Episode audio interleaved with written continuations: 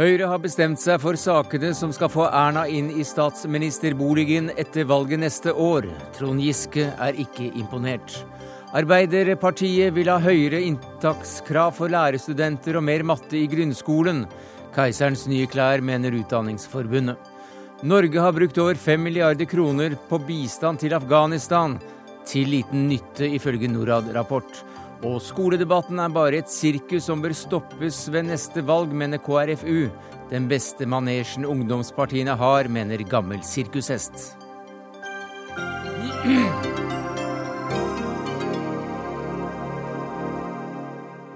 Ja, Det er noen av sakene i Dagsnytt 18 denne tirsdagen, der vi også får besøk av Torbjørn Færøvik og Arne Jon Isaksen når det skal dreie seg om Kinas vei og Maos rike. Men vi starter med Høyre, for i dag la partiet fram forslaget til partiprogrammet Nye ideer, bedre løsninger, som skal løfte Erna Solberg opp på den gjeveste ministertaburetten. Og hva i dette programmet er det som først og fremst vil gjøre Høyre til valgvinner om ett år, 9.9.2013? Bent Høie, du er leder for programutvalget. Nei, Det er jo det at vi presenterer nå nye løsninger på de problemene som folk opplever i hverdagen stadig lengre helsekøer, skoler med middelmådige resultater, at eh, ryggsekken for de eh, bedriftene som driver fra Norge, blir tyngre og tyngre. Så Derfor foreslår vi fritt behandlingsvalg for pasienter, ta i bruk den ledige kapasiteten som er hos private, en betydelig satsing på læreren, femårig masterutdanning for lærere, eh, en kraftig satsing på etter- og videreutdanning for de som allerede er i skolen, og redusere det offentlige byråkratiet overfor næringslivet med 25% og investere mer i eh, vei og, og, bane, sånn at mm. varene og folk kommer raskere fram. Og formuesskatten skal bort, og skattelette skal inn? Formuesskatten skal bort, sånn at en ikke straffer de som eh, lokalt eier bedriftene. Vi tror at mye av den næringsvirksomheten som foregår i Norge, de trygge arbeidsplassene som har, de er avhengig av òg norske eiere som kjenner lokalmiljøet, som kjenner de som jobber i bedriftene, og som er villige til å satse, på tross av mm. at det er eh, tyngre å drive næringsvirksomhet fra Norge, fordi en er eh, i et land med et høyt kostnadsnivå. Hvor stor blir skatteletten denne gangen? Ja, vi har eh, sagt at vi kommer med skattelette på de områdene vi mener er riktig. Eh, det betyr at vi ønsker å fjerne formuesskatten, vi ønsker å fjerne arveavgiften. Vi øker topp, innslagspunktet for toppslag, sånn at folk med vanlig lønn ikke betaler toppskatt. Og mm. øker òg eh, grunnfradraget, sånn at de som eh, tjener litt, sitter mer igjen med når de har vært på jobb. Det, ja, hvor mye da? Nei, Vi, ikke, vi sier at det, det vil jo være selvfølgelig avhengig av grunnlaget. Men sum, ja, grunnlaget? Sum, summen av dette vil sannsynligvis være noe mindre enn det vi gjennomførte som skattelette sist vi var i regjering. Da var vi oppe i nærmere 25 milliarder. Og Da er verdt å huske på at når vi hadde redusert skattenivået med nærmere 25 milliarder sist, etter det ble skatteinntektene til den norske stat rekordhøye fordi det satte fart på verdiskapningen. Trond Giske, du jobber nå med Arbeiderpartiets programforslag og har lest hva Høyre kommer med. Ble du skremt nå? Nei, jeg ble ikke skremt. Jeg ble litt overraska egentlig, fordi at Høyre har markedsført seg så veldig i det siste med å legge seg til en ny og sentrumsorientert, eh, på en sentrumsorientert linje. Eh, dette var et veldig jeg vil si, tradisjonelt Høyre-program. Dette er det Høyre som vi kjenner igjen fra Bondevik-regjeringa. Den politikken som Erna Solberg og Kjell Magne Bondevik førte i årene 2001 til 2005. Skattelette om lag i samme størrelsen, en sted mellom 25 og 30 milliarder kroner. Og det er penger som du ikke kan bruke på skole, eldreomsorg og helse. Så det klare valget om retning. Om vi skal bruke disse milliardene på å bedre eh, tryggheten til eldre, sørge for flere lærere til eh, barna våre, sørge for eh, et godt helsevesen. Det valget blir tydelig fram mot september 2013. Men er det, ikke, er det ikke klart linjeskifte fra dagens regjering, det du, det, du, det du ser nå da, også når det gjelder satsing på skole f.eks.? Ja, men problemet er at Høyre og matematikk er jo et av de fagene vi bør satse på. og Dette er et ganske enkelt regnestykke. Høyre sier at man skal bruke like mye penger som i dag. Handlingsregelen skal følges. Så skal man vri en del av pengene fra det de kaller for forbruk, eh, som da er eldreomsorg og skole og helse, til investering, som er vei og jernbane og den type ting, og forskning, tror jeg nevner. Så skal man i tillegg oppå det gi et sted mellom 25 og 30 milliarder i skattekutt. Da blir summen mindre til skole, mindre til eldreomsorg, mm. mindre til helse. Og dette husker vi jo fra Bondevik-regjeringa. Det var nullvekst i kommunene. Det var faktisk 1000 mm. færre, tusen færre lærere da, da, vi overtok. Dette er jo klassisk eh, argumentasjon fra Arbeiderpartiet at uh, de tror at uh, samfunnskaka er bakt i én størrelse en gang for alle. Vi viste jo sist gang at vi kunne gjennomføre skattelette uh, sånn at vi satte fart i norsk økonomi. Vi fikk rekordhøye inntekter, men samtidig så klarte jo vi, i motsetning til denne regjeringen, å prioritere det viktigste først. Eh, og Denne regjeringen har hatt rekordhøyt økonomisk handlingsrom. Det har de brukt til litt mer på alle områder. Uh, uten å styre Norge i en Men nå snakker vi om programforslaget ditt. Ja, og det mm. som jeg derfor sier, det er at vi mener at vi skal prioritere å investere for framtiden. Og Det å investere i læreren, det å investere i kunnskap, det å investere i framtiden. Og Der er det vi skiller oss fra Arbeiderpartiet. De foreslår flere timer. men sier vi er nødt til å ha flere lærere som har kompetanse. Men den, den, eh, skoledebatten skal vi ta om en stund, så det må vi nesten eh, droppe. Ja, nei, men jeg, jeg kritiserer jo ikke Høyre for å være Høyre. Det er jo Høyres eh, plikt, det, å, å stå for Høyre-politikk. Det som dette partiet gjennomsyrer av, er den politikken Høyre har stått for i, i 20 år. Det er privatisering av omsorg, det er privatisering av skole, endre privatskoleloven slik at det blir fri etableringsrett for eh, private skoler. Eh, det er privatisering innenfor helse. Det er klassisk høyrepolitikk og, og helt fair at Høyre står for. Men Høyre, Men dette... kommer, ikke, Høyre, Høyre kommer ikke unna at det står ikke ett eneste ord om en sterkere kommuneøkonomi. Og det er dem som betaler for eldreomsorgen, mm. det er dem som betaler for lærerne. Når en i dag opplever at eh, flere og flere eh, må kjøpe seg private helseforsikringer fordi at det offentlige faktisk ikke stiller opp med hjelp, så er det en situasjon der vi nå har fått det mest klassedelte helsevesen som vi har hatt i Norge i moderne tid, takket være Trond Giske sin politikk.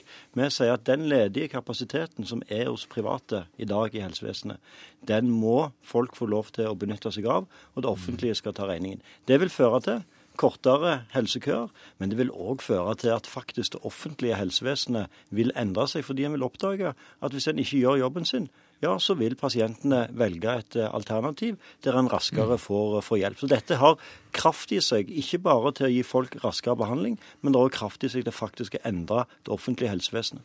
Det, det er jeg mest skuffa over. Altså, jeg er skuffa over at Høyre eh, driver høyrepolitikk. og og, og det er helt fair å sammenligne. altså Den gangen dere satt i regjering og førte den politikken, så var det altså resultatet 1000 færre lærere i løpet av fire år. Nå har vi fått 8000 flere. Jo, men se nå på dette programmet, men, og ikke på ja da, og, og, som falt i fjor. da, nei, nei, men Programmet beskriver akkurat den samme politikken. Og det er det som egentlig, hvis det er noe som skuffer meg med programmet, så er det at det er så lite nye ideer og nye forslag. Fordi at jeg må si at jeg leser jo dette programmet med litt sånn tyvens blikk. For jeg tenker, Er det noen gode ideer her, f.eks. på næringspolitikken eller utdanningspolitikken, så skal vi jammen meg ta dem å gjøre, men det er, men det er, men, men det er jammen meg eh, stort sett ting som enten allerede er i gang, eller ting som ikke bør gjennomføres. Men som f.eks. en storstilt privatisering. Men Høyre vil jo da bli det nye Arbeiderpartiet. I hvert fall så satser de klart i retorikken på, på, på velferd. Er det synlig i programforslaget? Nei, det står, eh, som det er gjengitt også i nyhetene, at man uh, forsvarer den nordiske modellen. Men mm. i praksis så er det altså den høyrepolitikken som vi kjenner igjen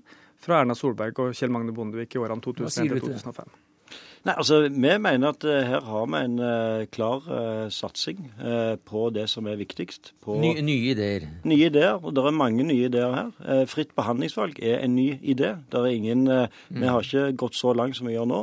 Det å virkelig ta et løft for læreren gjennom å innføre en femårig masterutdanning for læreren, er en ny eh, løsning som nettopp svarer til det som Arbeiderpartiet nå får kritikk fra fra Utdanningsforbundet. Her eh, foreslår vi at offentlige og private skal samarbeide om å bygge ut infrastrukturen i landet.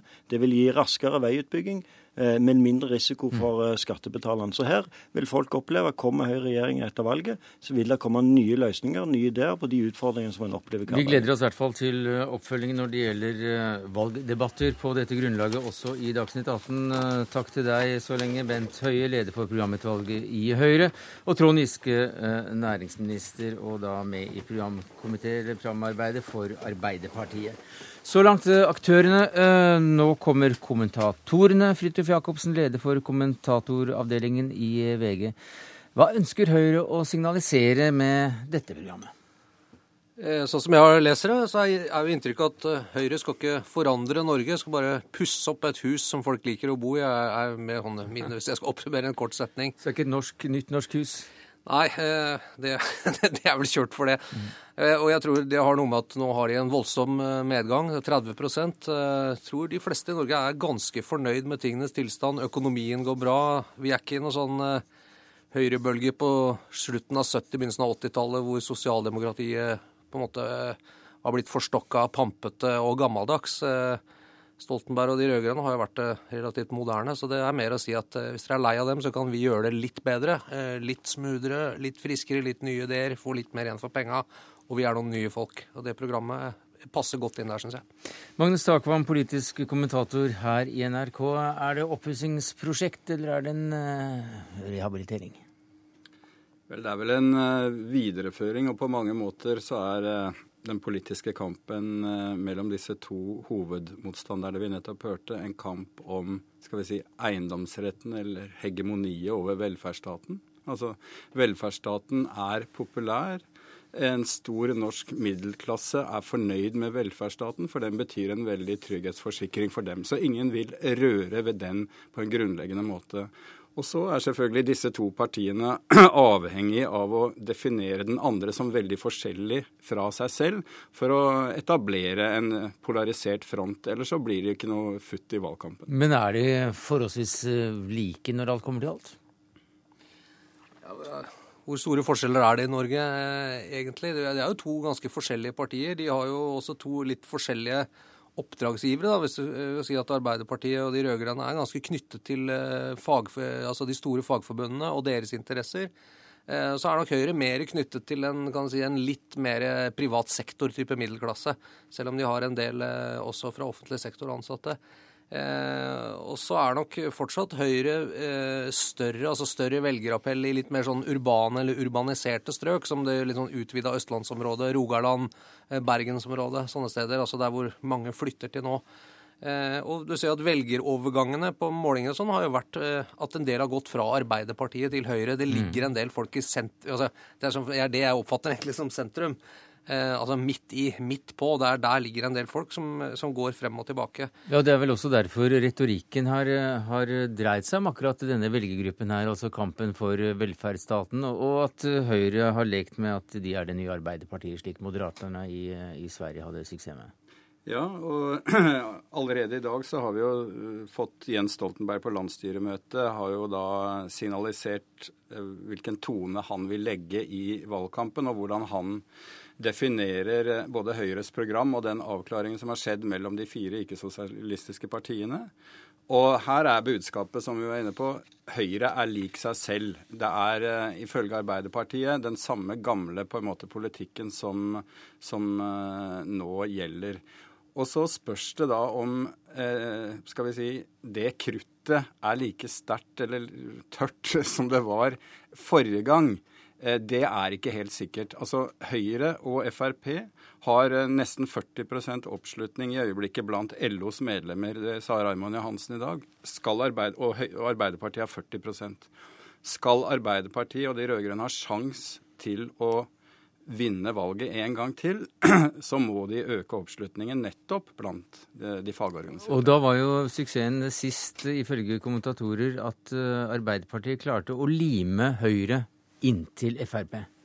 Klarer de det med dette eh, høyre altså, de kan, Arbeiderpartiet kan jo godt skryte veldig mye av sin egen suksess i valget i 2009, men det var jo også et Høyre som var mye dårligere enn i dag. Mm. Altså, det, var jo, det, var mye, det sprikte mye mer. De kom rett ut av en opprivende intern strid. De hadde en svak leder, men som gjorde en eh, god valgkamp, og da fikk befesta seg som leder. Eh, så forholdene er nok mye tøffere motstand denne gangen. Eh, men det er klart man ser også at Høyre kunne jo i dette programmet gått veldig langt i sånn prinsipiell retning, hvor man privatiserer alt for privatiseringens skyld. Man skal fjerne NRK-lisensen, man skal ta vekk fagforeningsfradrag eh, og alle sånne ting. Men det ser man jo ikke så mye av. Det er jo kanskje mer det pragmatiske Høyre eh, som har som har trumfa litt gjennom her. Og så er det litt å forhandle med på begge sider. Både litt i KrF, litt i Fremskrittspartiet og Venstre. De kan vel være med på det meste. Ja, fagforeningskontingenten skal altså være fradragsberettiget? Ja, det var jo det litt overraskende og som blir eh, nyhetsoppslag av. Eh, I 2009 så sa Erna Solberg at de ville halvere den eh, og reversere dette. fordi de mente det var urettferdig å gi skattefradrag for fagforeningsmedlemskap, men ikke for f.eks. å være med i Frelsesarmeen og sånn. Nå er det borte. Og det er et forsøk på et signal om at også Høyre er eh, arbeidstakervennlig og ikke bare arbeidsgivervennlig. Mm. Og vil signalisere at det norske arbeidslivet trenger sterke organisasjoner. Men på den annen side så vil de da ha fengsler for utlendinger som ikke er riktig så, så bra som uh, norske innsatte skal, uh, skal, sitte i. Og da, det er vel en fri ritt til Frp? Det kan det være, men det er jo noe som også krefter i Arbeiderpartiet kunne foreslått. Det er jeg ganske sikker på. Eh, litt tøffere justispolitikk, eh, litt strengere justispolitikk er vel eh, kanskje ikke for SV, men er vel ellers relativt bredt fordelt. Og også i den gruppen som de slåss om i midten. De som alle slåss om. Det er det de slåss om i Storbritannia, det er det de slåss om i Amerika. De sier valget vinnes i midten av befolkningen. Der tror jeg kanskje at justispolitikk er i ferd med å det er nok den generelle folkemeningen i ferd med å, gå litt, med å bli litt hardere i klypa enn den var før. Men nå har vi også da uh, Høyres programforslag, ennå ikke vedtatt av, av, Høyre selv, men det går vel omtrent slik vi har uh, fått det servert i dag. Vi vet en god del om Arbeiderpartiets programforslag allerede. Hva slags konturer ser du av uh, neste års valgkamp?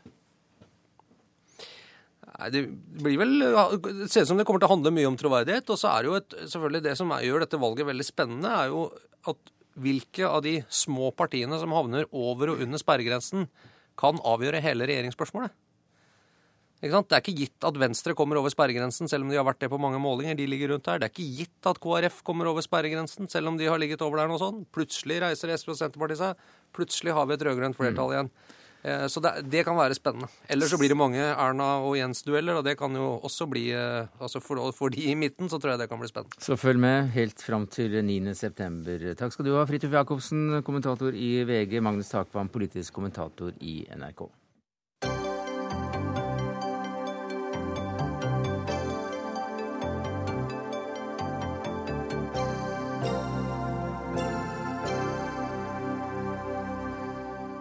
Og vi fortsetter med norsk politikk, og denne gang eh, med Arbeiderpartiets programforslag om skolepolitikk. For eh, en stor selvforskyldt lekkasje så har vi fått eh, vite at partiet vil foreslå flere mattetimer, strengere opptakskrav og obligatoriske inntaksintervjuer av lærerstudentene. Og Trond Giske, fremdeles leder for gruppen som da utarbeider programforslaget. Hva vil dere med disse tiltakene? Eller All skoleforskning viser at den aller viktigste faktoren for at elevene lærer godt, det er gode lærere. Det er både på plass nummer én og to og tre, tror jeg, på hva som skaper en god eh, skole. Og Det var jo bakgrunnen for at eh, i min tid som utdanningsminister sørga vi for det største lønnsløftet for lærerne noen gang. 50 000 kroner i året. Det har aldri vært eh, gjort maken verken før eller siden. Men nå tenker vi også at det er viktig å ha veldig tydelige både faglige og pedagogiske krav til hvem som blir lærere. Det... Så, så, nå skal altså kravet være snittkarakter på fire istedenfor tre? Nå. Nei, fortsatt så skal minimumskravet eh, i norsk og matte være tre. Men så mhm. sier vi at dem som har den dårligste karakteren tre, må gå et obligatorisk forkurs før du begynner på lærerutdanninga, eh, slik at du hever nivået, og du må ha bestått, slik at du er sikker på at de faglige kvalifikasjonene på norsk og matte er gode nok. Men så sier vi også at vi skal teste ut noe som de har gjort i Finland. Og det er at Når søkninga til lærerutdanninga nå øker så kraftig som den gjør, faktisk økt med 40% siden 2008, det er veldig gledelig, eh, så skal vi også blant dem som er faglig kvalifisert, teste ut eh, det de gjør i Finland med intervju, for å se hvem som også er pedagogisk og personlig kanskje mest kvalifisert. Mm. Og kanskje også mest motivert, fordi at en ting vi vet fra lærerutdanninga, det er at det er stort frafall underveis. Mange slutter i lærerutdanninga. Det er synd, fordi at vi trenger disse lærerne. Og så vet vi at mange ikke går inn i læreryrket, men forsvinner til journalistikk og andre eh, fagområder som sikkert er nyttige. Men vi trenger gode lærere i skolen. Keiserens nye klær kaller du dette forslaget, Steffen Handal, som sentralstyremedlem i Utdanningsforbundet. Hvorfor det? Ja, vi er jo enige om målet. Gode lærere, det er det den norske skolen trenger. Og det kan godt hende at vi kan diskutere noen av disse forslagene, men jeg tror kommentatorene som nettopp var her, er inne på noe. Dette handler om troverdighet. Og Arbeiderpartiet har nå sittet i posisjon i syv år. De har hatt muligheten til å levere på det de da kalte for et lærerløft. Og det har de altså ikke gjort. Vi mangler en minstenorm for lærertetthet i Norge. Og jeg vil jo utfordre da Trond Giske, siden dette handler om troverdighet. Kan du love meg at vi får denne minstenormen som dere nå har gitt løfter om i to Soria Moria-erklæringer? Ja, det jeg kan love, er at vi vil jobbe tett med lærerorganisasjonene for å eh, følge opp de ganske jeg vil si, detaljerte beskrivelsene om hvor mye en lærer skal undervise og hvor mye leseplikt man har. Vi har sørga for 8000 flere, vi har for 8000 flere lærere mm. siden vi overtok. Vi har økt lærertettheten. Vi har eh, innført flere timer. Vi har innført leksehjelp i, i, i de Men, laveste trinnene. Vi har pussa opp 1300 skoler. Alt dette koster penger, og vi skal bruke mer penger på skolen også i framtida. Både til flere lærere og bedre lærere. Tar du det som et ja? Ikke i det hele tatt. For han snakker om noe annet enn det, det den minstenormen handler om. Vi mhm. vil ha en ressursnorm som sikrer penger til den enkelte skole. Det Trond Giske foreslår med økte mattetimer, det er ikke en garanti for det samme. Og så vil jeg bare gå gjennom lista mi her. Etter- og videreutdanning. Der har Arbeiderpartiet satset på etter- og videreutdanning. Men poenget er at når én av tre kommuner ikke følger opp, så etterlates det et inntrykk av at de ikke enten vil styre eller kan styre. Når ikke lærerne opplever dette tilbudet som reelt, så minker troverdigheten. Ja, la, la, la, la oss ta det. Ja, nei, Jeg ser jo ikke noen motsetning mellom dette. Altså, det å stille klare krav til faglig dyktighet blant, eh, blant, de lærerne som skal inn i en lærerskole. Eh, vi har jo reformert hele lærerutdanninga også, og stiller tydeligere krav til de ulike trinnene eh, som lærerne skal undervise på. Det å få mange tusen flere lærere som vi har bevilga penger til. Og samtidig sette forventninger om etter- og videreutdanning. Det er en ting vi gjør i programmet. Vi ønsker å eh, heve antallet lærere som eh, tar etter- og videreutdanning kraftig. Eh, men det handler jo om, kommuneøkonomi.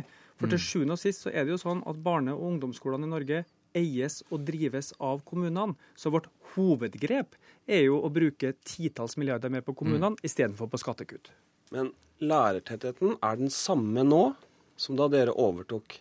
Den er den samme som dere, da dere lovet økt lærertetthet første gang. Det er den samme som da dere lovet økt lærertetthet andre gang. Og nå foreslår dere igjen at vi skal, tro, at vi skal tro på dine løfter. Hvorfor skal vi det? Du leverer ikke på det du sier. Et annet eksempel det er dette med Nei, la oss, la oss ta det. Ja, altså, Vi leverer jo på det vi sier. Det er jo ingen Nei, noen, altså, er den samme. Det har aldri vært større vekst i kommunenes økonomi og bruk av penger på norsk skole noensinne som i de siste sju årene under rød-grønn regjering. Det vil si, bare, bare, bare, flere lærere. Ja. Det blir ikke flere lærere. Ja, men det her er jo altså, det, nå, nå vet jeg da. Altså, det sies jo at matematikkunnskapen også blant lærere er, er, er, litt sviktende, men 8000 flere lærere siden 2005 er altså flere lærere, ikke færre forrige periode. Det hjelper ikke det hvis antall elever også øker. Nei, men du sa at det var ikke flere lærere. Det er 8000 flere lærere. Lærertettheten er den samme. Det er det våre medlemmer ser. Og Hvis du i tillegg bruker anledningen til å ja, eh, forulempe dem, så tror jeg ikke de blir veldig glad av det. Eh, dette handler også om en troverdighet når han snakker om eh, lærerutdanning. Det har vært en kamp lenge for lærerorganisasjonene, og også for den saks skyld Høyre, å få til en masterutdanning for lærerutdanning for lærere. Det har vi nå presset på alt vi kan for å få til. Dere hadde mm. anledningen for to år siden til å gjøre noe med det valgte å ikke satse på femårig masterutdanning. Men eh, jeg må nesten spørre deg, for vi har jo utgangspunktet her i eh, dagens debatt dette forslaget som tross alt da kommer fra uh, Arbeiderpartiet, nemlig å stille strengere krav, opptakskrav, og også intervjue lærerstudenter mm. før de blir lærerstudenter. Hva syns du om det konkret, bare isolert, bortsett fra ja. at du mener at det er ikke troverdighet rundt politikken generelt? Nei, jeg syns at det er veldig interessant. To interessante okay. forslag å se nærmere på. Vi har tidligere støttet skjerping av karakterkrav. Og jeg kan ikke love over bordet at vi vil gjøre det igjen, men det vil vi mm. gjerne snakke mer mm. hva, med også Arbeiderpartiet Og hva med, hva med tre ekstra mattetimer? Tre ekstra mattetimer, det sa jeg nå om i sted, at det mm. vil ikke nødvendigvis føre til eh, de ressursene som skolen trenger. Det vil gi elevene en større rett til antall timer i matematikk. Men hvis ikke det følges opp i kommunale prioriteringer av ressurser, så vil eh, resultatet av de ble, bli sånn som det har blitt nå. Altså I dag så går 25% av elevene i store grupper. For ti år siden var det bare 10% av elevene som gjorde det. Det må du også ta ansvaret for, Trond Giske. Og så helt til slutt dette med intervjuer. Eh, jeg tror faktisk at det er interessant å snakke om. Men hvis vi ser på forskning rundt det, eh, så er det, så er det vanskelig å slå fast at det vil på en måte sikre at vi får de rette folka til å bli lærere. Men jeg vil gjerne snakke mer om hvordan lærerutdanning kan bli bedre, og hvordan ikke minst vi skal skaffe de gode lærerstudentene. Det har vi jobba sammen med eh, også Arbeiderpartiet om i mm. denne perioden. Der fikk du i hvert fall en liten åpning. Ja da, og det er litt viktig tror jeg, at vi kan diskutere positive ting om norsk skole uten at Utdanningsforbundet skal komme med hele smørbrødlista av eh, fagforeningskrav. Fordi eh, eh, vi trenger en fleksibel, god skole. Vi trenger enda flere tusen lærere inn i norsk skole. Vi trenger mer etter- og videreutdanning, men vi trenger de best motiverte ungdommene til å gå i lærerutdanning. Jeg har ikke sagt nei til et eneste av dine forslag nå. Nei, veldig bra. Jeg snakker om at du har lav troverdighet i skolepolitikken. Men uansett så ringer klokka nå, Steffen Handal. Det er friminutt. Takk skal du ha, sentralstyremedlem i Utdanningsforbundet, Trond Giske, næringsminister, gruppeleder for Kunnskapssamfunnet, framtidens verdiskap. Ja,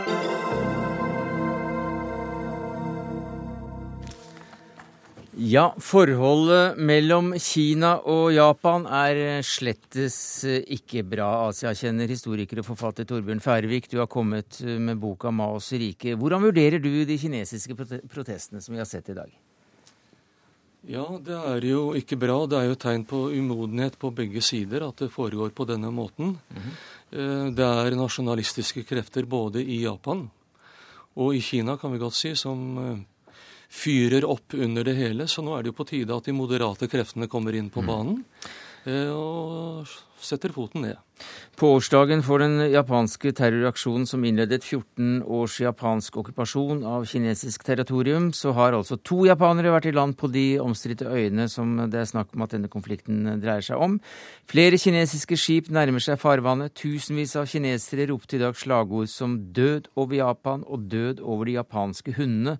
Og i Beijing har en større folkemasse kastet råtten frukt inn på japansk, eh, Japans ambassade. Er dette et uttrykk for folkets hjerter, hva de er fullt av, eller er det styrt av kjølige hjerner eh, i eh, partiet? Det er vel eh, begge deler. Det er jo på sett og vis etterdønningene fra den andre verdenskrigen. Mm. Japan invaderte Kina.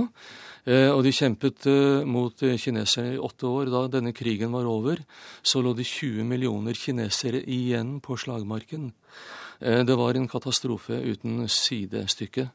Så er det jo også andre ting nå om dagen. Det er en uklar politisk situasjon i Beijing, og det foregår et spill der.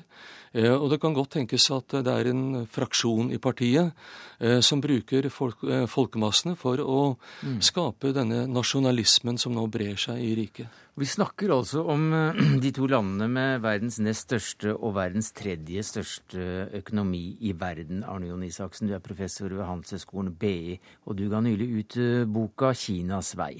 Eh, hvilke muligheter er det disse to landene sier fra seg ved stadig å krangle istedenfor å samarbeide enda tettere? Ja, det er jo slik at de står hverandre ikke så fjernt rent kulturelt hvis du går litt dypere til verks. Og det som eh, noen som er mer redde på det enn meg, sier, er at hvis, eh, hvis Kina og Japan klarte å finne frem til et hyggelig forhold, og da minner det litt om Nixon som reiste til eh, Kina i februar 72. Hvis noen klarte å få til noe sånt noe mellom de to landene, så ville hele verdensbildet bli endret. For da ville Kina pluss Japan være en aktør som USA måtte forholde seg til på en ganske annen måte enn hva som er bildet nå, hvor USA er fremdeles den eneste store makten med skikkelig mm. kraft i nevene. Nei, for i denne boka 'Kinas vei' så refererer du til da en annen professor som sier at Kinas relasjon til Japan er kanskje den viktigste relasjonen i verden? Ja, og det er på bakgrunn av det jeg nettopp sa, at uh, hvis den relasjonen gikk uh, på skinner, så ville verdensbildet og verdens maktbalanse bli forskjøvet uh, temmelig fort. Du kan jo nesten si at Sovjetunionens inngang på avslutningen, det var februar 72, da Nixon møtte Mao. Så det bildet vi ville fått med Kina og Japan som sto rygg mot rygg og var på lag, det tror jeg ikke vi har fantasi til å forestille oss. Og jeg tror jo ikke det er så aktuelt, fordi historiens eh, minner eh, stikker så dypt. Og, og som Torbjørn Færøvik sier, så brukes jo dette også innenlands til å samle kineserne, bl.a., mm. fordi kommunismens appell er vel borte. Ja, Du stiller spørsmål om ikke forholdet til Japan hadde vært bedre om Mao satt ved makten eh, fremdeles. Men der får du motbør fra en 35 år gammel demonstrant utenfor den japanske konsulatet i Shanghai i dag, som sier til Reuters at 'jeg forguder Mao'. Hadde vi fortsatt hatt ham, ville han gått til krig mot Japan med en gang. Hva tror du om det, Torbjørn Færvik? Eh, hva formann Mao ville ha gjort, eh, det vet vi ikke. Han sover i sin sarkofag, eh, og han kommer aldri mer til å reise seg igjen. Men hva sier du til, til den troen på, på Maos styrke? Og ja. i boka til Isaksen her så står det også at, at hans popularitet, Maos popularitet er økende. Mens din bok 'Maos rike' har undertittelen 'En lidelseshistorie'. Ja, og begge, begge uh, disse uttrykkene er i og for seg sanne. Men det som har skjedd i det senere år i Kina, det er at det har blitt uh, langt større forskjell mellom menneskene, større klasseskiller. Uh, og det er en del mennesker som av ren nostalgi lengter tilbake til gamle dager. Da alle var omtrent like fattige. Altså Maos store fortrinn, det var det at han klarte å fordele fattigdommen noenlunde jevnt. Men han klarte ikke å skape så veldig mye ny rikdom. Om dagens ledere så kan det sies at de er i stand til å skape veldig mye rikdom, men de er ikke flinke til å fordele den. Eh, og så er det blitt et veldig tøft samfunn, og så er det da noen som eh, eh av ren nostalgi og lengsel, og også pga. usikkerhet, pga. den nye tid eh, lengter seg tilbake mm. til gamle dager. Kanskje. Ja, La oss konsentrere oss om denne, denne perioden du dekker i boka 'Maos rike', eh, som du da har gitt denne undertittelen 'En lidelseshistorie'. Hva er det denne 35-åringen i Shanghai og hans likesinnede ikke vet om denne tiden?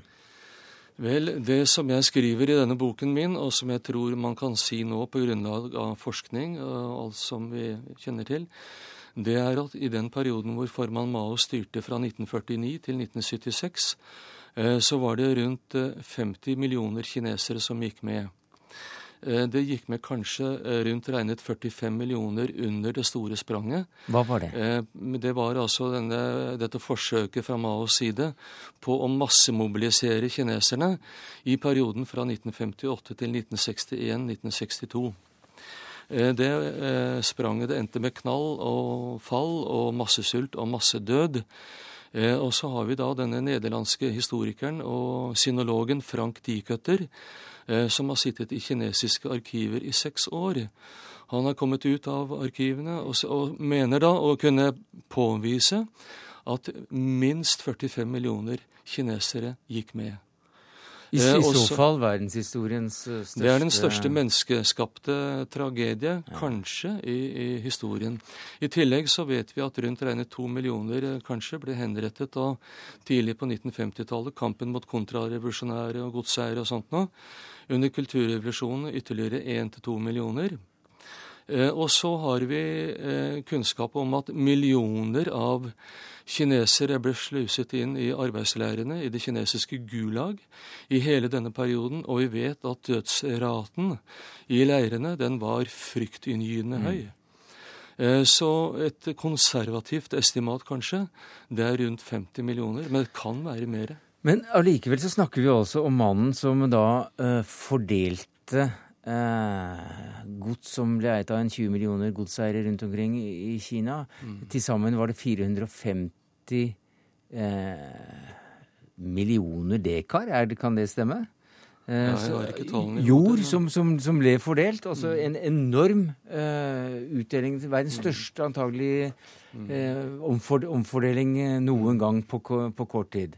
Så ja. bøndene, fattige bønder fikk jo faktisk jord. Mm. Ja, og jeg har lyst til å si at alt som kan sies om den perioden, det er ikke svart. Kina, det er ikke svart, og det er heller ikke hvitt. Eh, bare det. Det er, det er, svart og hvitt, men så er det også veldig mange gråsoner her. Eller eh, overganger, for å si det på den måten. Men poenget med min bok det er å si at prisen for den fremgangen som tross alt skjedde, den var gruoppvekkende høy. Gruoppvekkende høy, Isaksen. Du griper fatt i, eh, i, tiden etter Mao også, da det var en en mann som ikke målte mange centimeterne i forhold til forholdsvis høye Mao, men som, som het Deng Xiaoping, og som var en helt annen type.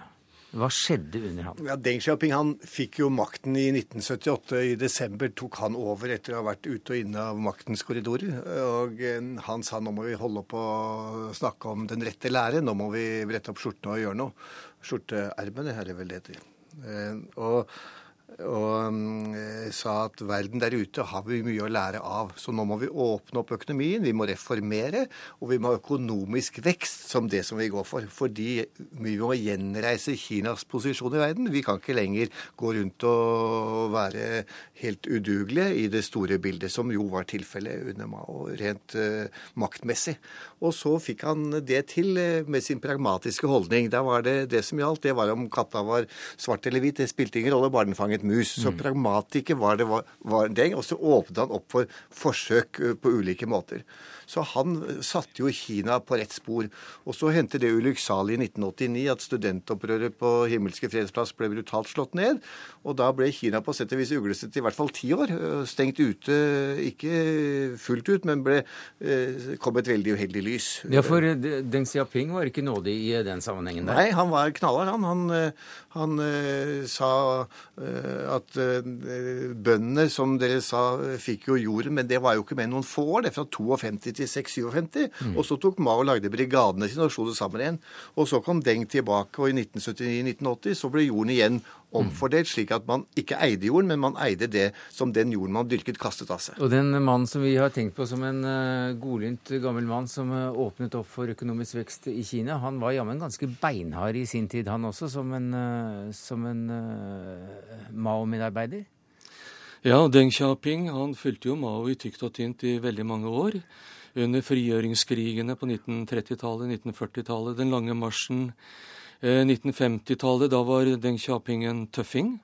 Eh, og gikk bare ett eller to skritt eh, bak Mao. Og oppfordret til drap på ja, eiendoms... Ja.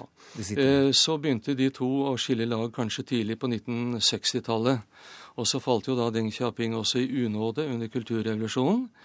Inntil han da ble rehabilitert på 1970-tallet. Så Deng Xiaopings rolle altså det er, det er, den er mangesidig. og og variert, men han var jo en trofast Mao-tilhenger, og han holdt jo også fast på partiet eh, som den ledende kraft i samfunnet. Han ville reformere økonomien, ja vel, men det var partiet som skulle lede. Og sånn er det jo fremdeles. Tving fjellene til å bøye seg, tving elvene til å vike, siterer du Mao Zedong på i, i, boka di. Men det er vel kanskje akkurat det som etterfølgerne da har gjort også i stor grad, Arne Jon Isaksen. For hvor kommer dette eventyret nå til å ende med dagens tall, som altså da viser at veksten ikke er så høy lenger? Nei, Jeg er bekymret for Kina, både fordi veksten er lavere, og det er i og for seg ikke så alvorlig at de vokser med 7% istedenfor tid. Men som Torbjørn Færøyvik er inne på, det er fordelingen som blir stadig skjevere. Og når stadig en mindre del tar stadig en større del av kaka, så er ikke det noe godt samfunn man da får. Og når da de som leder samfunnet har tatt seg til det å lede, og ikke har en legitimitet i befolkningen, så er det heller ikke bra. Så innledningsvis når jeg sa at Mao kunne ordne opp med Mao, med, Mao med Japan, så mente jeg at Mao hadde makt og kraft i sin hulån, så han kunne gjort det hvis han hadde villet. Dagens ledersystem er veldig ullent. Vi vet ikke hvem som leder. Vi vet ikke engang når Kongressen, hvor de nye lederne skal ta over i oktober, vi vet ikke engang nå når den er.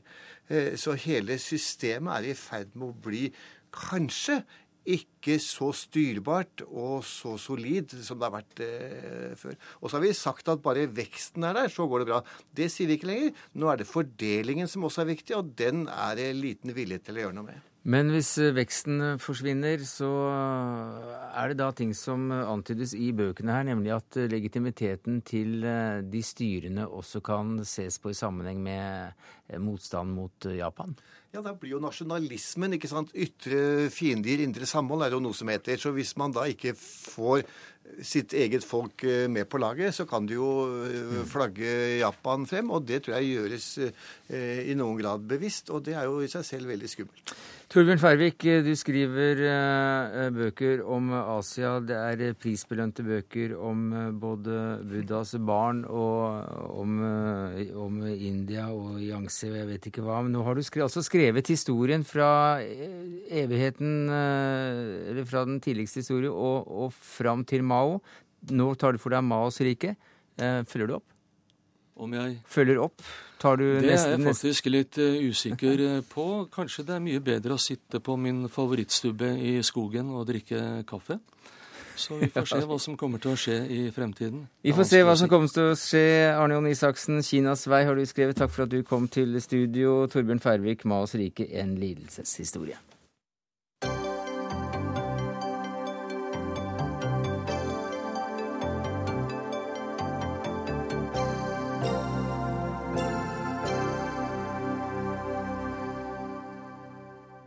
Hvor er det blitt av de 5,4 milliardene vi har gitt til Afghanistan de siste årene? Er det mulig å se positive effekter av disse pengene? Ja, på bestilling fra norske myndigheter så har Norad fått ekstern hjelp til å evaluere bistanden vi har gitt til Afghanistan siden 2001. I dag ble rapporten presentert, og evalueringsdirektør i Norad, Marie Gaarder. De tre målene som rapporten måler Norges innsats etter, er altså bistanden, om den har ført til varig fred, bedre styresett og mindre fattigdom? Og svaret er denne evalueringen eh, gir et eh, blandet eh, svar på dette, på dette, spørsmålet. For det første så er det viktig å se innsatsen i, et perspektiv. Erfaring fra forskning på sårbare stater, 35 sådanne, har vist at det å oppnå framgang på disse, denne type målsetninger tar i gjennomsnitt 25-30 år. så vi må ha realistiske forventninger til hva som kan nås på ti år. Når det gjelder eh, resultatene fra rapporten, eh, den viser først og fremst at det er krevende og vanskelig å drive utviklingsinnsats i et land med store sikkerhets- og eh, styresettsutfordringer. Ehm, den forverrende sikkerhetssituasjonen og korrupsjon på høyt politisk og administrativt nivå er de største hindringene for forbedringer. Mm. Du, Jeg må bare avbryte deg litt. for at mm. De fleste leser rapporten slik at den, den sier at ikke det er mulig å, å, å, å, si at pengene har kommet til nytte ut ifra de målene som skulle oppnås. Den eh, viser til, absolutt til, eh, til, nytte. Den har, det har kommet til nytte både eh, når det gjelder utdanning. Millioner av afghanske gutter og jenter har nå, både på landsbygda og i byene, nå muligheten til å gå på skole. Det har vært en økning fra én million til syv millioner som nå kan gå på skole. Varig fred, bedre styresett og mindre fattigdom, sier rapporten, evalueringsrapporten ja til dette? At det har bidratt til varig fred, bedre styresett og mindre fattigdom? Det å få eh, barn til skolen, eh, bygge opp kapasitet i politi og fengselsvesen eh, og støtte til oppbygging av mm. kapasitet hos statsansatte er alle bidrag på denne veien. Hvordan leser du dette, utenriksforsker Asle Toje? Du underviser i statsvitenskap ved Universitetet i Oslo og følger norsk bistandspolitikk tett. Først vil jeg si at dette er ikke en spesielt god rapport. Eh, for de som hadde ventet å få en, en grundig evaluering av de over 5 milliarder kroner som Norge har brukt over en tiårsperiode i Afghanistan, de må vente litt til. Eh, mange ville nok ventet å finne et svar på det som Riksrevisjonen påpekte i sin tid, at man hadde manglet egentlig oversikt over hvor 2,9 milliarder av disse eh, pengene hadde forsvunnet. De påpeker det at bistanden har oversteget norske administrative ressurser. De påpeker det at de har hatt veldig vanskelig for å få tak i den dokumentasjonen de har utbedt. Og med god grunn. Den norske ambassaden i Kabul eh, sliter med lav, for lav bemanning og har ikke kunnet prioritere dette. Og Resultatet er at vi sitter med en rapport som konkluderer egentlig veldig generelt det som vi visste fra før av. Og det er at i Afghanistan så har man en statsmakt som er eh, i stor grad korrupt, det som sliter med at mye av eh, bistandspengene forsvinner på feil steder. Vi vet ikke om det er de norske pengene som forsvinner. Det har vi ikke kommet noe nærmere til å få et svar på. Eh, når det gjelder utvikling innenfor skole og helse, så er jo det ubestridelig. Det er noe som har funnet sted. Hvorvidt dette er eh, framganger som vi vil være i stand til å forsvare etter tilbaketrekningen, det vil tiden vise seg. Mm. Men det som, det som, står igjen, er det varige problemet. Det problemet som har vært siden 2001. Det er det problemet mellom å drive krig og skal bygge fred samtidig. Det med å forsøke å ønske å ta og lytte til prioriteringene til det landet vi skal hjelpe, samtidig som at vi er veldig ivrige på å fortelle dem hva de burde eh, ønske. Og det problemet med at vi ønsker raske resultater, eh, eh, men vet at vi burde mm. planlegge langsiktig. Og oppi, oppi dette kaoset så har om lag 15 milliarder kroner forsvunnet. forsvunnet?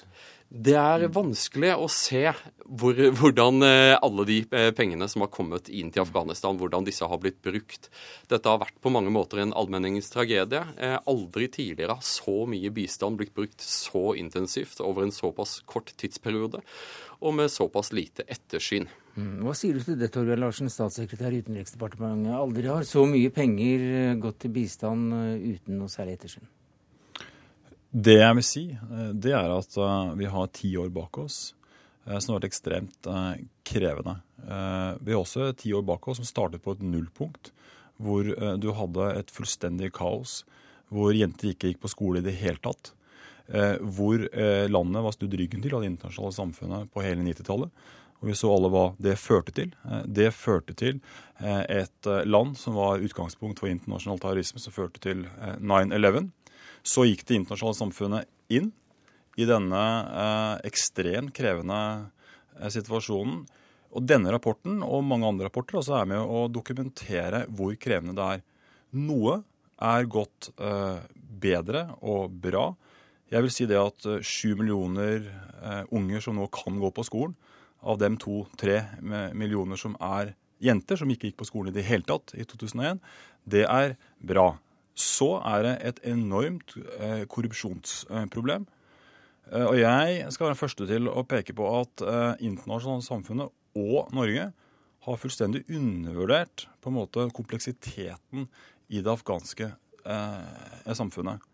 Men alternativet å ikke gjøre noe som helst er et dårlig alternativ. Og denne rapporten er med å sette søkelyset på forbedringsområder og det eh, går vi inn i. Én ting er kapasitet. En mm. annen ting er at vi må ha klarere krav.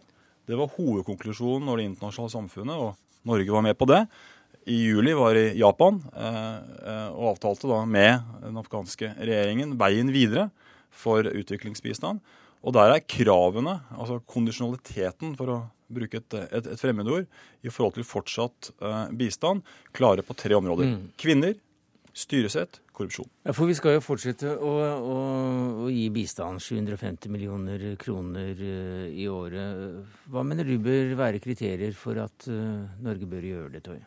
Jeg tror vi skal lytte litt til vår fremste forsker på akkurat dette feltet, som heter Astrid Sørke, eh, som har skrevet en bok som heter 'When less is more'. Eh, og problemet er at vi har gitt så mye bistand at det fullstendig har oversteget den afghanske myndigheters absorpsjonsevne.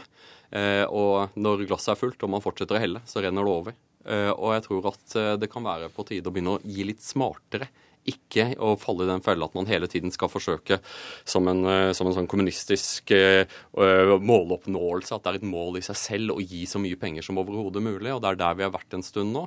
Jeg tror at det kan være på tide å være litt mer fokusert på faktiske resultater. Og det er det som skuffer meg med denne rapporten, er at de faktiske resultater de glemmer med sitt fravær. Jeg vil si at uh, det som her sies, uh, er er enig i forhold til kapasiteten. Og én lærdom vi alle må trekke, er at den afghanske kapasiteten til å absorbere uh, den bistanden som her har vært gitt, har vært for lav. Og så skal vi også fra norsk side i dette bildet lære bl.a. av denne rapporten når det gjelder å konsentrere. Altså vi må gjøre færre prosjekter. Vi må bruke, kunne bruke mer ressurser på de prosjektene vi gjør, for å kunne følge det. Eh, og Det er en av de konkrete lærdommene som eh, vi trekker eh, av bl.a. Denne, denne rapporten. Og det gjør vi også noe med. For Rapporten konkluderte med at Norge bør revurdere sin strategi.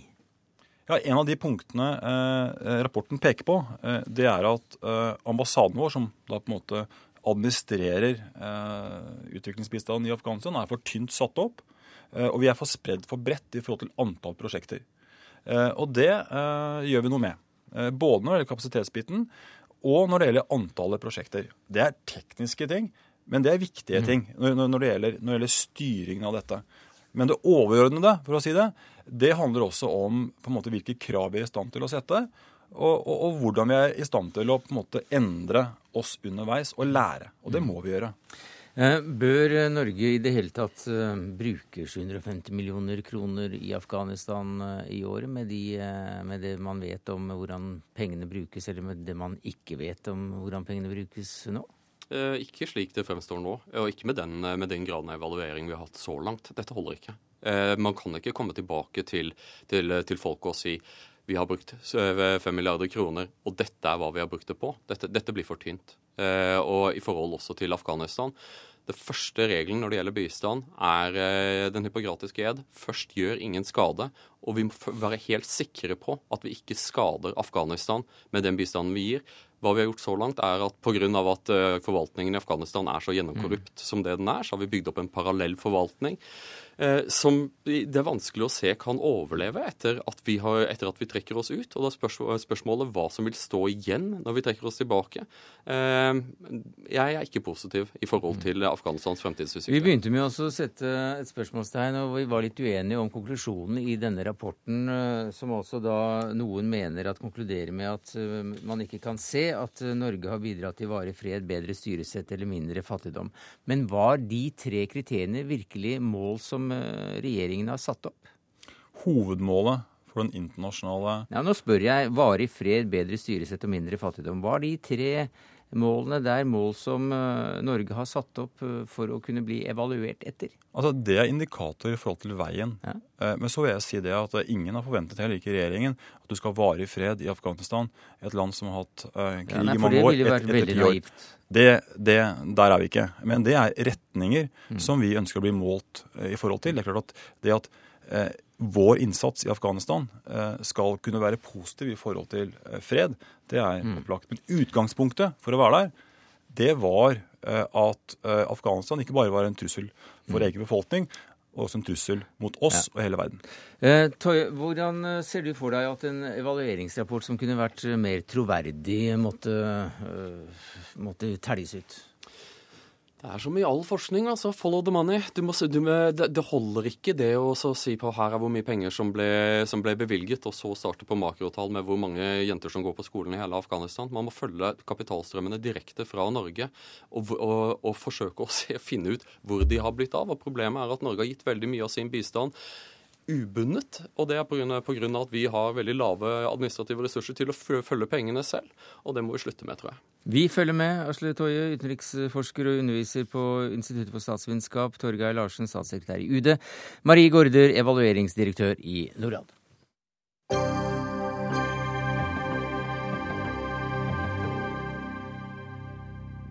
Som vi begynte sendinga med, så avslutter vi nemlig om eh, valget til eh, neste år. Det er valget i kongeriket som skjer 9.9, men før det så er det altså skolevalg, som tradisjonelt er blitt sett på som en svært viktig valgvinnmåler av kommentatorer og valgforskere og partistrateger. Men før helgen så åpnet AUF for å endre debattradisjonene fra skolene. Og dere i KrFU går enda lenger, leder i KrFU Elisabeth Løland. Dere vil enkelt og greit ha slutt på disse skoledebattene fordi de er pinlige affærer og en dårlig introduksjon til politikken. Og hvorfor det? Jeg, jeg, jeg, liker debatter. Jeg liker å være i debatter. Ja, men hva er, så, hva er, det som er så pinlig med det?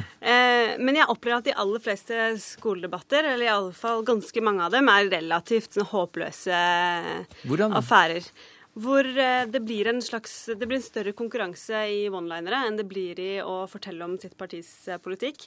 Det blir en slags eh, skolering i hersketeknikker, hvor de elevene som sitter i salen, og som har ønsket seg en introduksjon til politikk, en introduksjon til partiene og en introduksjon til debatt, de får en introduksjon til sirkus i større grad enn de får det de vil ha. Ja, hva, kan beskrive uh, hva som skjer i en skoledebatt som går over styr?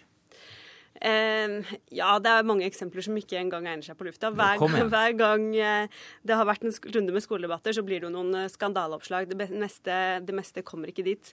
Eh, siden jeg sitter her med Mimmi Kristiansson, som har vært leder i RU, så, så, kan jeg jo gå med eksemplene da han på de fleste skoledebattene jeg var, pleide å si 'jeg må pisse' og gå ut midt i debatten, eller Aha. å synge innleggene sine. Og det er klart, det er ganske moderat i forhold til veldig mye av det som vi opplever på skoledebatter. Det er ganske mange ganger jeg har opplevd at eh, det å finne på tall midt i debatten, eh, helt ut fra løse lufta, er en vanlig metode å bruke for å komme seg ut av en knipe man har kommet i. Eh, Mimir Kristiansson, altså da allerede introdusert som deltaker i skoledebatter, men også nå da som politisk journalist, tidligere leder i Rød Ungdom. Hva sier du til dette? Altså, jeg sier vel at av, av, de mange dårlige alternativene vi har, så er skoledebattene det beste. Altså, det er en helt uovertruffen arena for meningsbryting som langt overgår alternativet, nemlig at man har sånne valgtorg der partiene står på stands. Da vil det bli sånn at partiene kan eh, formidle sin informasjon uimotsagt. Det blir ingen åpen debatt, ingen meningsbryting, og det blir også mye mindre engasjerende for elevene. Så er det jo klart at det er jo ikke alt som blir sagt i de mange hundre skoledebattene som er hvert eneste år, som egner seg på luften, eller for så vidt egner seg i en skoledebatt heller. Eh, men Samtidig så skal vi ha rom eh, for en mer tilspissa tone i skoledebatt enn det vi har i en statsministerduell mellom Jens og Erna. Vi trenger ikke å helle i seg så mye vann at man må forlate podiet midt under seansen? Nei, altså, jeg må jo bare beklage hvis det støter noen at jeg av og til må på do. Altså, men, men, poenget er, hvis man ser bort fra, fra det, så, så, er jo poenget at de aller fleste skoledebattene, aller fleste ungdomspartiene, også AUF, som vel har gått tilbake på, på det som de sa før helgen, ønsker å beholde skoledebattene, for det er en god skole for ungdomspolitikere til å lære seg debatt. Det er en veldig god arena for å engasjere elevene. Og ikke minst, mm. det er åpen meningsbryting, noe som er uvurderlig i demokratiet, og som vi ikke har veldig mye av blant norske ungdommer på skolen. Ja, det er kjempebra at vi skal ha åpen eh, meningsbryting, og det må vi veldig gjerne ha, ha mer av. Kan ikke det skje i debattform på skolen? da? Nei, jeg er ikke spesielt stolt av det inntrykket mange skoledebatter eh, gir ungdommer. Jeg tror etter veldig mange av de debattene så er det færre som har fått eh, en god opplæring i hva reell politisk meningsbryting er, og flere som har fått en god opplæring i hvordan man skal få de fleste av de som sitter i salen, som ikke har lyst til å være der, til å bue eller klappe for noen andre. Og det er ikke sånn at det er Enten har vi skoledebatter, eller så har vi ikke meningsbrytning på norske skoler. Det finnes mange gode alternativer. Vi kan ha møter i klasserommene. Vi kan spille inn bedre debatter der hvor eh, litt mer trente folk eh, deltar og, og legge det ut på YouTube, så klassene kan se på det. Vi kan ha valgtorg der eh, elevene kan spørre spørsmål til politikerne. Altså Felles for alle disse løsningene tror jeg, tror jeg, at de vil engasjere elevene mindre, men også selvfølgelig miste den opplæringsfunksjonen som skoledebattene har. Og Det å se den samme hermetiserte debatten mellom ungdomspartilederne på alle skoler, det tror jeg er en mye dårligere løsning enn at lokale ungdommer kan få lov til å sitte i debatt, eh, bryne argumentene sine, snakke om lokale forhold og selvfølgelig svare på spørsmål og sånn fra salen, som er en viktig funksjon. Og så vil jeg bare si, det er mange som har et inntrykk av at skoledebattene er useriøse på grensen til sirkus. Og det mener jeg er en grov karikering. Og det foregår selvfølgelig masse i skoledebatt som er på kanten, og sikkert noe som er over kanten òg. Men samtidig så er det sånn at selv om formen ofte er frisk og tilspissa, så er temaene som diskuteres, ofte dønn seriøse. Og det er ofte mer enn man kan si om de mer seriøse debattene man har mm. eh, blant voksenpolitikerne, der man f.eks. sitter og krangler om hvem som har bevilga mest til det eller det når de satt i regjering sist, eller der alle sitter og tverrholder på at de skal ha et tverrpolitisk kompromiss. Sant? Sånn at de debattene her kan være seriøse i innhold, selv om formen er annerledes enn det vi vant til fra TV. Ja, Det er jo et fint glansbilde av eh, skoledebatter. Vi har vært i noen av de samme debattene. og Vi har nok veldig forskjellige opplevelser kanskje av de, men også forskjellige opplevelser av mange debatter. Men du, er det fordi at uh, Mimir Kristiansson, som, uh, som uh, representerte Rød Ungdom, dro en god del velgere fordi at han klarte å, å raljere både med, med, med, form, men fikk ut budskapet sitt? Nei, det er, det, for oss handler det ikke om det i det hele tatt. Det handler om at vi ønsker å møte de elevene som kommer på en skoledebatt eh, med noe som kan gi dem faktisk informasjon. Det er faktisk en del av de elevene som sitter i en skoledebatt som skal stemme, som har stemmerett. Og det er kanskje for mange den beste muligheten de har til å få informasjon fra partiene. Da har jeg veldig mye mer lyst til å møte de elevene på et valgtorg, møte dem i en samtale, svare på spørsmål, eh, enn å delta i en litt sånn eh, karikert debatt. Eh, hvor eh, de som sitter i panelet, eh, drar de samme vitsene hver eneste gang ti ganger i løpet av en uke. Mm. Hvilken er den beste vitsen du har dratt i en sånn paneldebatt? det er blitt så lenge siden at det husker jeg ikke. Jeg vil bare si helt til slutt at uh, dette med valgtorg, som er problematisk, da, er at det er også sånn at de store partiene vil tjene enormt på en sånn valgtorgsmodell. Og det gjelder verken KrF eller for så vidt det partiet jeg tidligere representerte i skoledebatt. Vi vil mm. tape på det fordi de fleste elever vil ikke komme bort til de små partiene, og vi har problemer nok med tredelingen av norsk politikk mellom tre store partier som det. 9.9 er det valg, kanskje uten skolevalg i forkant. Iallfall hvis eh, Elisabeth Løland fra KrFU får det som hun vil. Takk skal du ha. Takk til Mimir Kristiansson, politisk journalist i Klassekampen, standup-komiker og tidligere leder i Rød Ungdom. Det var det vi rakk i Dagsnytt 18 i dag, takket være Dag Dørum, Finn Lie, jeg heter Sverre Tom Radøy.